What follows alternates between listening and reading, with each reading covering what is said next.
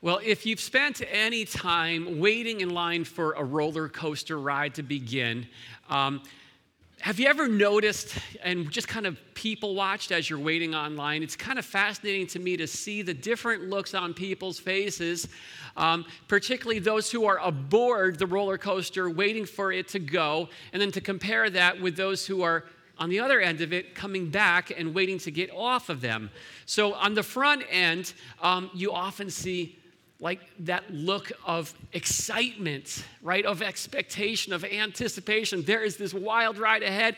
I cannot wait to see what's in store. Um, for others, that is like, you know, mixed in with tinges of terror because the seatbelt has just locked and they've just come to the realization I can't get out of this thing until this ride comes to an end. What in the world did I get myself into? Now, on the other end, um, on the other side, after the ride is over and they're waiting to be released, there's a whole lot of other looks, right? For many, it's like the look of exhilaration. you know, it's over. We made it. I'm still breathing and I'm alive. It's a good thing. Others are like, let's do this again. You know, like, can we, can we just stay in this car and go for the same ride again? Uh, any of you like that? Any of you guys roller coaster fanatics? Yeah, I, I'm kind of that way myself. And then there's those whose facial expressions you might say are best described with the word catatonic, right? Their eyes are like bugged out. They're not even blinking because they are just in a state of shock from the experience that they've just had. Um, all kinds of varieties. You know, we have been making our way um, through the book of Revelation, the last book in the Bible, and it has been a wild ride in basically every way imaginable. But this morning we're coming to an end. And uh, the question this morning is that when the ride is over and we reach the end, not only of this book, but when we get to the end of it all, when we come to the end of human history, when we turn to the last page of the last story, what's there? What's waiting for us on the other side? What is it going to be like? And that is the question that the final passage in the Bible answers. And so, and so there is an arc line to this book. Um, the arc line of the story of Scripture is, is that it starts out good and it ends great and in between the beginning and the end, there's a whole lot of bad. And, and, and so when you flip from the last page to the first page of the Bible in Genesis, in chapter one of Genesis, it explains how, how God created everything and He created it good, right? The land and the sea and the stars and the sky and the birds and the fish and animals and people. Every time He created something, He says that He saw that it was good everything was good. All of creation started out good. It started out all functioning together in perfect harmony. Adam and Eve, they were living in a garden paradise together in a perfect relationship with each other, with the rest of creation, and with their creator as well. And it was all good until they listened to the serpent's lies and they ate the forbidden fruit, and everything came crashing down. Uh, that harmony was broken, in innocence was lost, and sin entered into our world. And somewhere in the deepest level of existence, something core snapped. And, and that broken down existence, that is the only reality that you and I have ever known. We live in that reality on an ongoing basis, day to day. And, and on the most fundamental level of life, when sin entered into existence, it separated. It separated us from each other and it alienated us from, from our Creator, from the God who made us to live in relationship with Him. And so Adam and Eve, they started hiding from God, right? They're covering themselves up with fig leaves and they start blaming each other. It's her fault. It's the serpent's fault. And, and so we've been doing the same thing ever since then hiding and blaming. And they were forced out of the garden. They were forced into this existence that was cursed with toil and with trouble, where, where instead of worshiping God, they, they, people were worshiping idols and exalting idols. And so what started out as good took a wrong turn and went bad. And here's the astounding thing is that God, after things went bad, he didn't just toss the whole operation into the trash can and throw the whole thing away right? Instead, what he did is he made this, this master plan to work that good that had gone bad and from it turned it into something great. That, that somehow at the end, what would be would even be better than it was at the start. That's the astounding work of redemption that God does. And that's why all throughout the Bible, all throughout this book, whenever you read about God's work, again and again, it has the prefix re. Re. Res- resurrection, back to life, rebirth, redemption, reconciliation, renewal, restoration. See, that's, that's the kind of work that God does. His heart beats to bind up what's broken and to make what's gone wrong and restore it and make it right again. And his son, Jesus Christ, is at the center of this entire project. So while the smoke was still settling in the Garden of Eden after the fall, God promised right then and there that through the seed of the woman, one would come who would crush the head of the serpent. This was the first prophetic um, scripture in the Bible, and that was forecasting the Messiah, the one who, through the line of David, would be born and redeem God's people and make right everything that had gone so wrong. And so we see that in the fullness of time, Jesus was born. And he gave his life on the cross to redeem us from the bondage of sin, to reconcile us back to God. In other words, that connection to our Creator that sin had severed, that gets rewired through his sacrifice. And it gets applied to our lives personally when we place our personal trust in him and his finished work on the cross. And that's, that's reconciliation that's redemption. But God's plans don't just stop there. His plan is, is to restore all of creation, everything that had gone bad, to make it right again. And His promise is, is to bring it all back into that original harmony that He had first created it to, to reflect. And so today, you and I, if you are a child of God, if you are someone who is trusted in Jesus, you are living in this in between period of time in history, in between redemption and restoration. We're living in this, this now and this not yet, this in between time. So our lives are reconciled, they're redeemed to God through the blood of Jesus, but we're still broken people. And we're still living in this broken down world. We're still waiting for that day when Jesus comes and finishes the job and makes all things new again.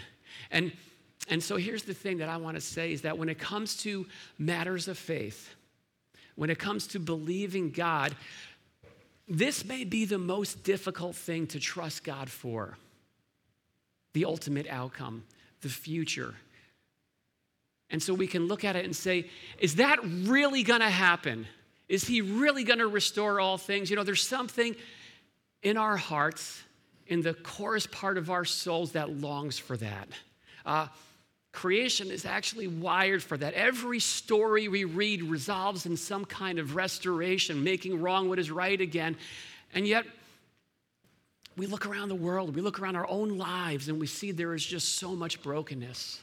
There is so much hurt, and it makes us wonder.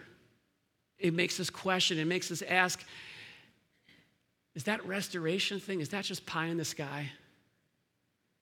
One of the biggest challenges is just asking is that really possible? Or is the way things are, is that as good as it gets? This is the issue of faith before God's people. And the final word in Revelation is about that. Is about the way the story ends and its attempt to, to put into words what no eye has seen, what no ear has heard, what no mind has conceived. And it reminds me of Philippians 1 6, where Paul says, I am sure of this, that he who began a good work will bring it to completion at the day of Christ Jesus. God is not going to stop until that good work that He started is finished. And so, what that means as God's people, that we refuse to settle for the way things are and being okay with that. Instead, we long for and, and we look for what will be when our Savior returns. And so let's read about it.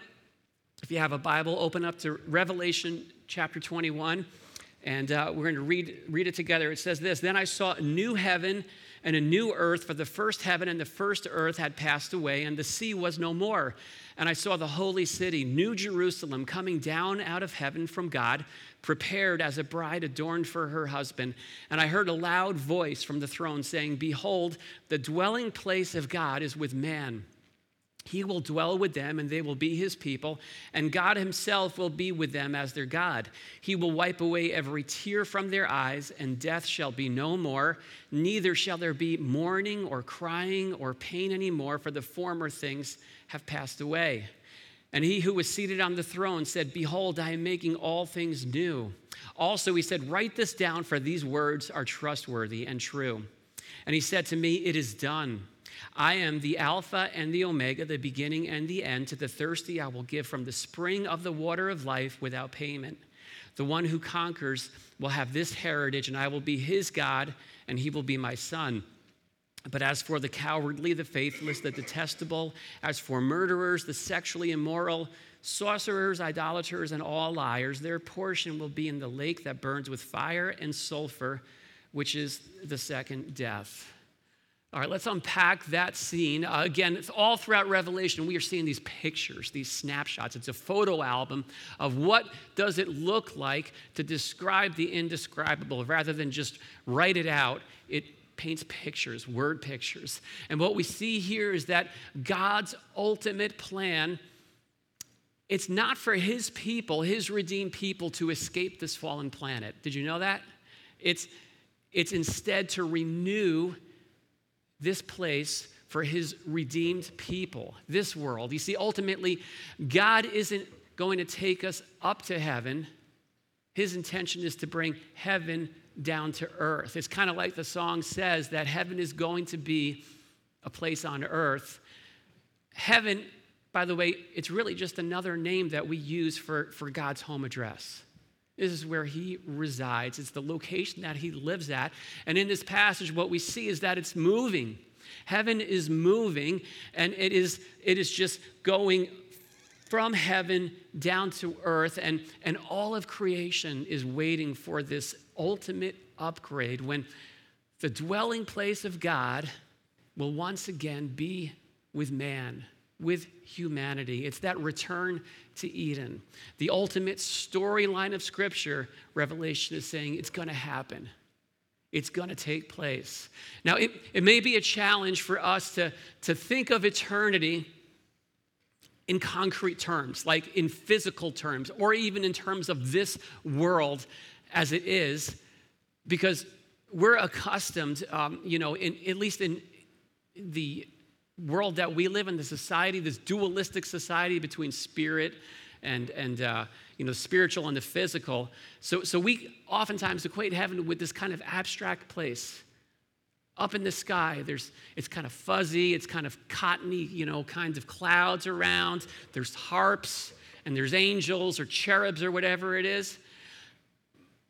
But but our creator is committed to recreating all that he first made and that includes not only the spiritual but also the physical also the material and, and what that means is that when the story ends, there is going to be something very familiar about it.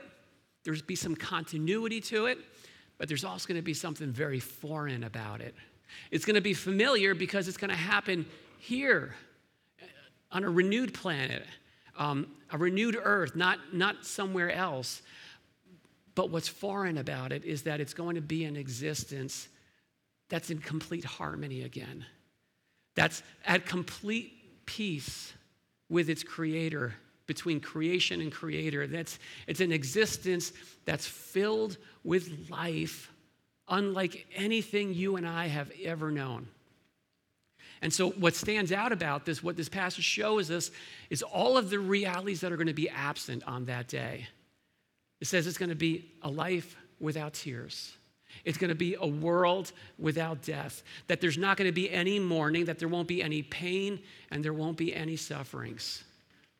See, all those things that steal away joy and peace and harmony from our lives, all of those things that no matter how hard we try in the here and now, we cannot get away from them.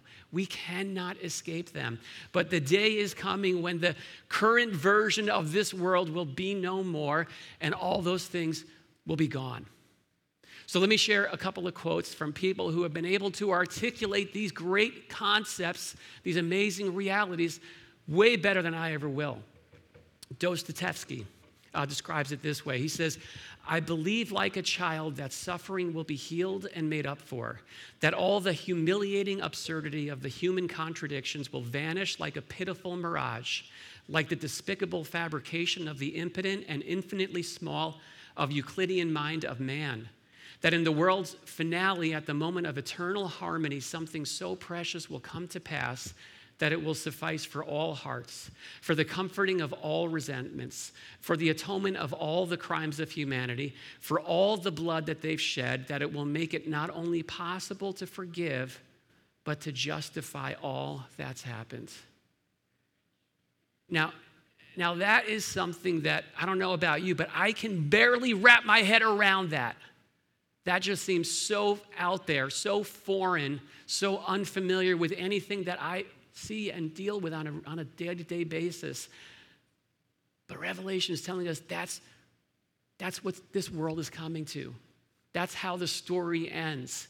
And it's like Samwise Gamgee at the end of Tolkien's Lord of the Rings, when the whole grand drama is, is resolving, he asks this question Gandalf, is everything sad going to come untrue? And Revelation's answer is this resounding yes, it will. Or at the end of C.S. Lewis's Chronicles of Narnia, Lu- Lucy says this. She says, if one could run without getting tired, I don't think one would often want to do anything else. Just, just think about the uninhibited joy of being able to run without feeling like your lungs are going to explode, right? Without feeling like you're going to have a heart attack. Just think about and fathom the idea of life without death, of love without loss. What kind of world, what kind of reality, what kind of existence is that going to be? At the end of the story, there isn't going to be any more devil. There isn't going to be any more evil. There will not be any more deception. We looked last week at how that came to an end. And what that means is that our lives will be liberated from something that we can't get away from right now the seduction, temptation of sin. You know about that? I know I do on a very daily basis. I can't get away from it. And we have, we have no frame of reference for what life looks like apart from that seductive temptation to sin right now. So, so let me chart out the, the theological trajectory of Scripture.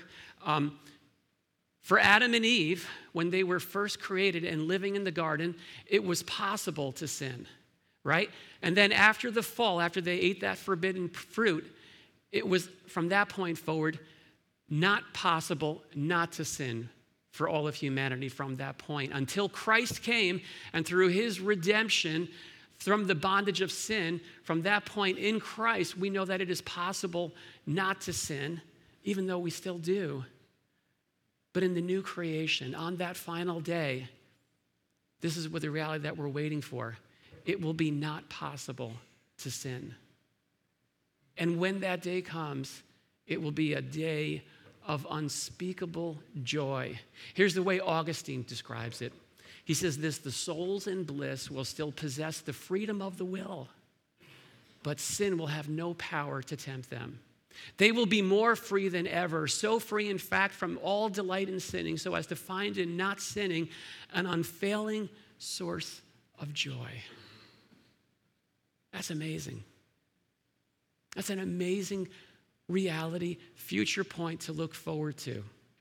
And I just want to contrast it because what we will see are two very divergent ways of viewing this world. Um, and I think of John Lennon's song Imagine, if you're familiar with it. He, this is the humanistic theme song. Uh, basically says if all we imagine is that this world is all there is, and it's just us people, and there's nothing else, and we get rid of all the religion, right? All of these things that we've come up with, and that's going to be a great world. That makes me so incredibly depressed to even think of that kind of world, a world that is no bigger than just human existence. No room for believing in anything bigger than the here and now. And that means the way it is is the way it's always going to be. That means there's no end to injustice. That means there's no end to suffering. That means that the selfishness that I know indwells in my own heart and in the hearts of every other person in this planet is going to continue. And yeah, you can take out a structure, but it's going to get replaced with another broken structure, and that structure will be oppressing someone else. The injustice never ends. See, the message of Revelation is, is not imagine, it's, it's wonder. It's wonder at what will be. That this world and this existence is bigger than just the physical. There are spiritual and eternal realities, and Jesus is coming to bring those two together on that ultimate day.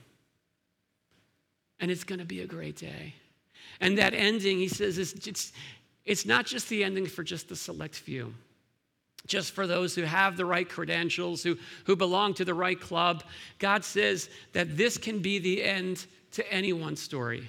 He says this to anyone who comes to me with a thirsty soul, he says, I'll give you water that will truly satisfy from the springs without payment. And he says this I will be God to anyone who comes to me. I'll take them in as my own son. Here's, here, here's the key word the key word is come. Come to the Creator. Creation is called to come to the Creator who is the Redeemer, and that invitation is open to one and all who come to Him. Come to the Father through Jesus, His Son. And it's sort of the answer to the question that's been asked, at least in my life, ever since I was a kid and I turned on Channel 13 and watched Sesame Street. You know, um, can you tell me how to get to Sesame Street?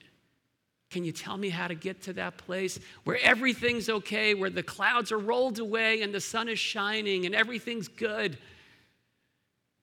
The answer to that question is line your life up around Jesus, behind Jesus, in his rule and his reign. That's the way. But in the end, there will also come this moment in time when he honors those who refuse to come, who decline the invitation, who are hell bent on living life on their own apart from their creator. It's like when you get one of those emails, and on the bottom of the email, there's like, if you would like to unsubscribe, click here. And don't you hate it when you unsubscribe and you still start getting the emails, right? See, God's not going to do that. He is, if that is what you want, then He will honor that request. But make no mistake, this restoration project, it is going to move forward. This is how the end of the story goes. And it ends also with this one long last look at the bride of the Lamb, the church as well as the location that this, this couple between the Lamb and, and his bride will be living, which is in this place called New Jerusalem, which is Revelation's name for the world restored or the new Eden. So, so let's read, let's read what it says here. It says, this again, a lot of descriptive words here. It says, Then came one of the seven angels who had the seven bowls full of the last plagues and spoke to me, saying, Come, I will show you the bride, the wife of the Lamb. And he carried me away in the Spirit to a great high mountain and showed me the holy city Jerusalem coming down out of heaven from God, having the glory of God, its radiance like a most rare jewel like a jasper, clear as, clear as crystal.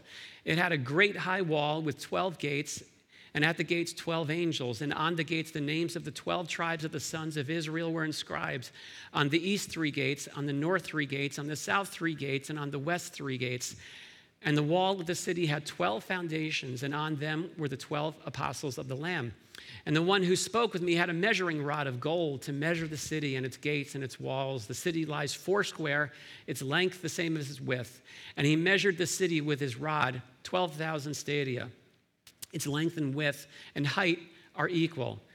He also measured its wall, 144 cubits by human measurement, which is also an angel's measurement. The wall was built of jasper, while the city was pure gold like clear glass. The foundations of the wall of the city were adorned with every kind of jewel. The first was jasper, the second sapphire, the third agate, the fourth emerald, the fifth onyx, the sixth carnelian, the seventh chrysolite, the eighth beryl, the ninth topaz, the tenth chrysoprase, the eleventh jacinth, the twelfth amethyst. And the twelve gates were twelve and the 12 gates were 12 pearls. Each of the gates made a single pearl, and the street of the city was pure gold, like transparent glass. And I saw no temple in the city, for its temple is the Lord God, the Almighty, and the Lamb. And the city has no need of sun or moon to shine on it, for the glory of God gives it light, and its lamp is the Lamb. By its light will the nations walk, and the kings of the earth will bring their glory into it, and its gates will never be shut by day, and there will be no night. They will bring into it the glory and the honor of the nations, but nothing unclean will ever enter it, nor anyone who does what is detestable or false, but only those who are written in the Lamb's book of life. Then the angel showed me the river of the water of life, bright as crystal, flowing from the throne of God and of the Lamb through the middle of the street of the city. Also, on either side of the river, the tree of life and its 12 kinds of fruit, yielding its fruit each month. The leaves of the tree were for the healing of the nations. No longer will there be anything accursed, but the throne of God and the Lamb will be in it, and his servants will worship him. They will see his face, and his name will be on their foreheads. The night will be no more. They will need no light of lamp or sun, for the Lord God will be their light, and they will reign forever and ever. All right. So there's a lot going on here. Again, this is like word pictures, trying to describe uh, a picture here. And, and what we see is that at the end of the story, the beauty of the bride of Christ is going to be showcased front and center on full display. We're talking about the church. Oftentimes, it goes unnoticed, it gets overlooked. That's the way it is for the time being. But what we see here is that that is not the way it's always going to be. The bride is how the church is described. And, and when I say church, I, I mean the big C church. So I'm not talking about a building, I'm talking about all of God's people, his redeemed community throughout all of history, all over the world.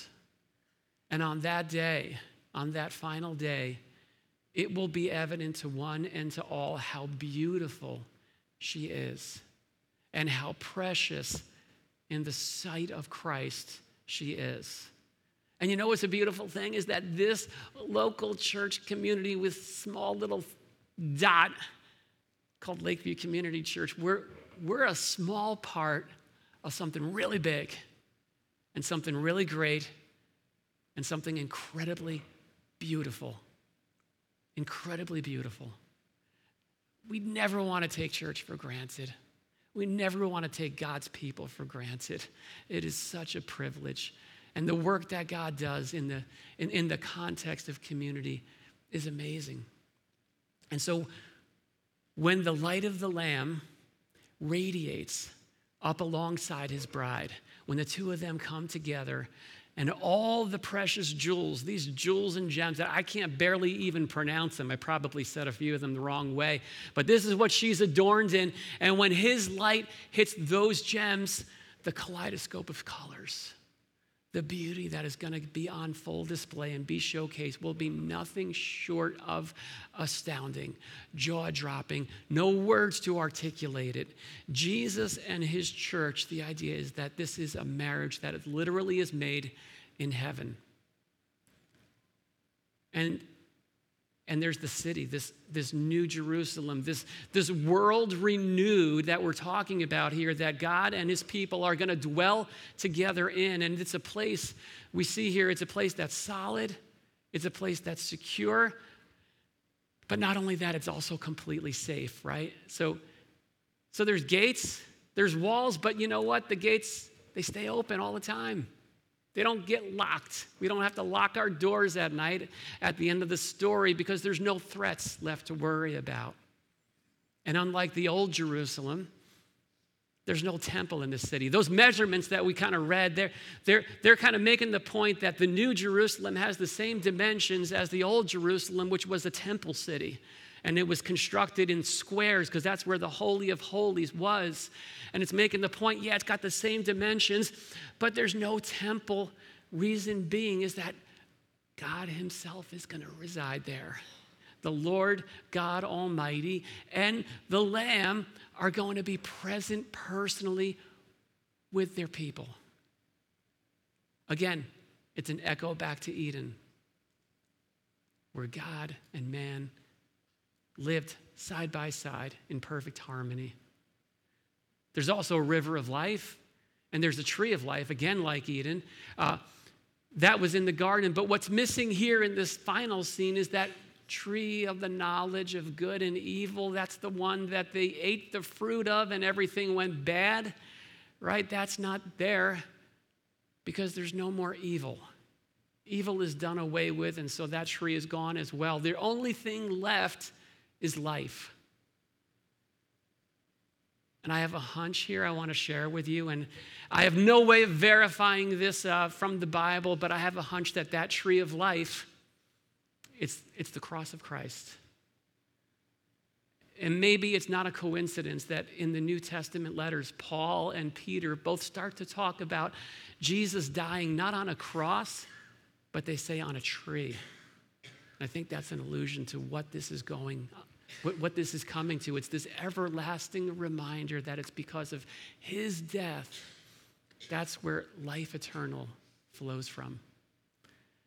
And there's one final and fascinating feature here that uh, it's really the best one of all of them. It says this that they will see his face. They will see the face of God. That is something that hadn't happened since Genesis chapter 1. From that point on, no one could see the face of God and live. It's just too wonderful. And we're just too tainted by sin. His holiness is just too much. But on that day of ultimate and final restoration, what, what David longed for in Psalm chapter 27 will be fulfilled when he said, One thing I have asked of the Lord, that I may seek, that I may dwell in the house of the Lord forever, to gaze upon the beauty of the Lord and to worship him in holiness. That's how the story ends. Ultimate satisfaction, unending delight and complete communion with our Creator. All right, let's, let's finish the book and look at the final word, the last word. And, uh, and this is going to bring this entire thing to a close. And it's also a reminder that uh, it's the last words of Scripture. I just got to find it because there are so many different places here. Um, okay, it says, And he said to me, these words are trustworthy and true, and the Lord, the God of the spirits and of the prophets, has sent his angel to show his servants what must soon take place. And behold, I am coming soon. Blessed is the one who keeps the words of the prophecy of this book. I, John, am the one who heard and saw these things. And when I heard and saw them, I fell down to worship at the feet of the angel who showed them to me. But he said to me, You must not do that. I am a fellow servant with you and your brothers, the prophets, and with those who keep the words of this book, worship God. And he said to me, Do not seal up the words of the prophecy of this book, for the time is near. Let the evildoer still do evil, and the filthy still be filthy, and the righteous still do right, and the holy still be holy. Behold, I am coming soon, bringing my recompense with me to repay each one for what he has done.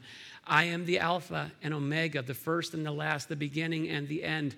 Blessed are those who wash their robes so that they may have the right to the tree of life and that they may enter the city by the gates. Outside are the dogs and the sorcerers and the sexually immoral and murderers and idolaters and everyone who loves and practices falsehood. I, Jesus, have sent my angel to testify to you about these things for the churches. I am the root and the descendant of David, the bright morning star. The Spirit and the bride say, Come. And let the one who hears say, Come. And let the one who is thirsty come. And let the one who desires take the water of life without price. I warn everyone who hears the words of the prophecy of this book if anyone adds to them, God will add to him the plagues described in this book. And if anyone takes away from the words of this book, of this prophecy, God will take away his share in the tree of life and in the holy city which are described in this book. He who testifies to these things says, Surely I am coming soon. Amen. Come, Lord Jesus. The grace of the Lord Jesus be with all. Amen. You know, when we started out on this journey uh, way back in January, I made the statement that we were going to read through the entire uh, Bible uh, or the, the, entire passage together. Uh, at the very start of Revelation, there's a blessing attached to the one who reads and, and hears the words of this book. And so, my, my hope and expectation, it hasn't been easy reading all of these passages, and you guys have been patient with it, but uh, I trust that there is a blessing that is, that is the outcome of it. So, so these last words kind of highlight some take homes as we, as we come to the end and before we close this book. Revelation highlights a few things. One is the importance of having the right object of worship set up in our lives, right? Here we see John missteps again. He goes to worship an angel instead of worshiping God the Father and Jesus the Son. You know, there's so many blessings that God has given us in this life. They're there to enjoy, and in their proper place, they are fine and they are good. But make no mistake, the human heart is an idol making factory. And that's what happens when we choose to elevate good things and turn them into God things. We turn them into idols. And as we're living in this world that makes idols out of everything, there is no greater priority for God's people than to set that space apart and make God and God alone the object of our worship. Because none of us are exempt from exalting wrong things, good things, and turning them into God things. I'm not exempt from that, and neither are you. So let's take that home with us. The message of Revelation is also that faithful obedience is the path to victory. The one who overcomes is the one who obeys. And so the angel says, Don't seal these words up. Don't just hear them and then set them aside for some other time as if this doesn't apply to you. This is for us today. This message matters. And the reality is that we are at any given time either pursuing intentional faithfulness or we're drifting and coasting into incremental compromise. There is no neutral in our walk with the Lord, but there is a God who sees every small step of obedience. Isn't that a beautiful thing? All those steps of obedience that no one else notices, he does. He sees it, and it says he's returning to reward it. He does. Last thing. The last message is to, to lean in, long for, and look forward to his return. If nothing else, I hope Revelation has whet our appetite for something that we will never find in this world because there is a longing in our hearts that this world will never satisfy. It's the blessed hope of his return. And so I want to challenge you uh, to spend time meditating on that, contemplating Jesus' return. Jesus says, Surely I am coming soon. And, and John responds with this one word Greek prayer. The word is Maranatha. It's the prayer of all of God's people until Jesus returns, and it simply means, Come, Lord Jesus. Come, Lord Jesus. See, we've come to the end, but the reality is we're not waiting to get off the ride. We're online waiting for this ride to begin. This ride called eternity is going to start soon. And it is going to be a good one. The end is the beginning, and it really is just the beginning of the end. And there is an after, an ever after, that all of our hearts are ultimately longing for, looking for, and it's found in Him. Let's pray together.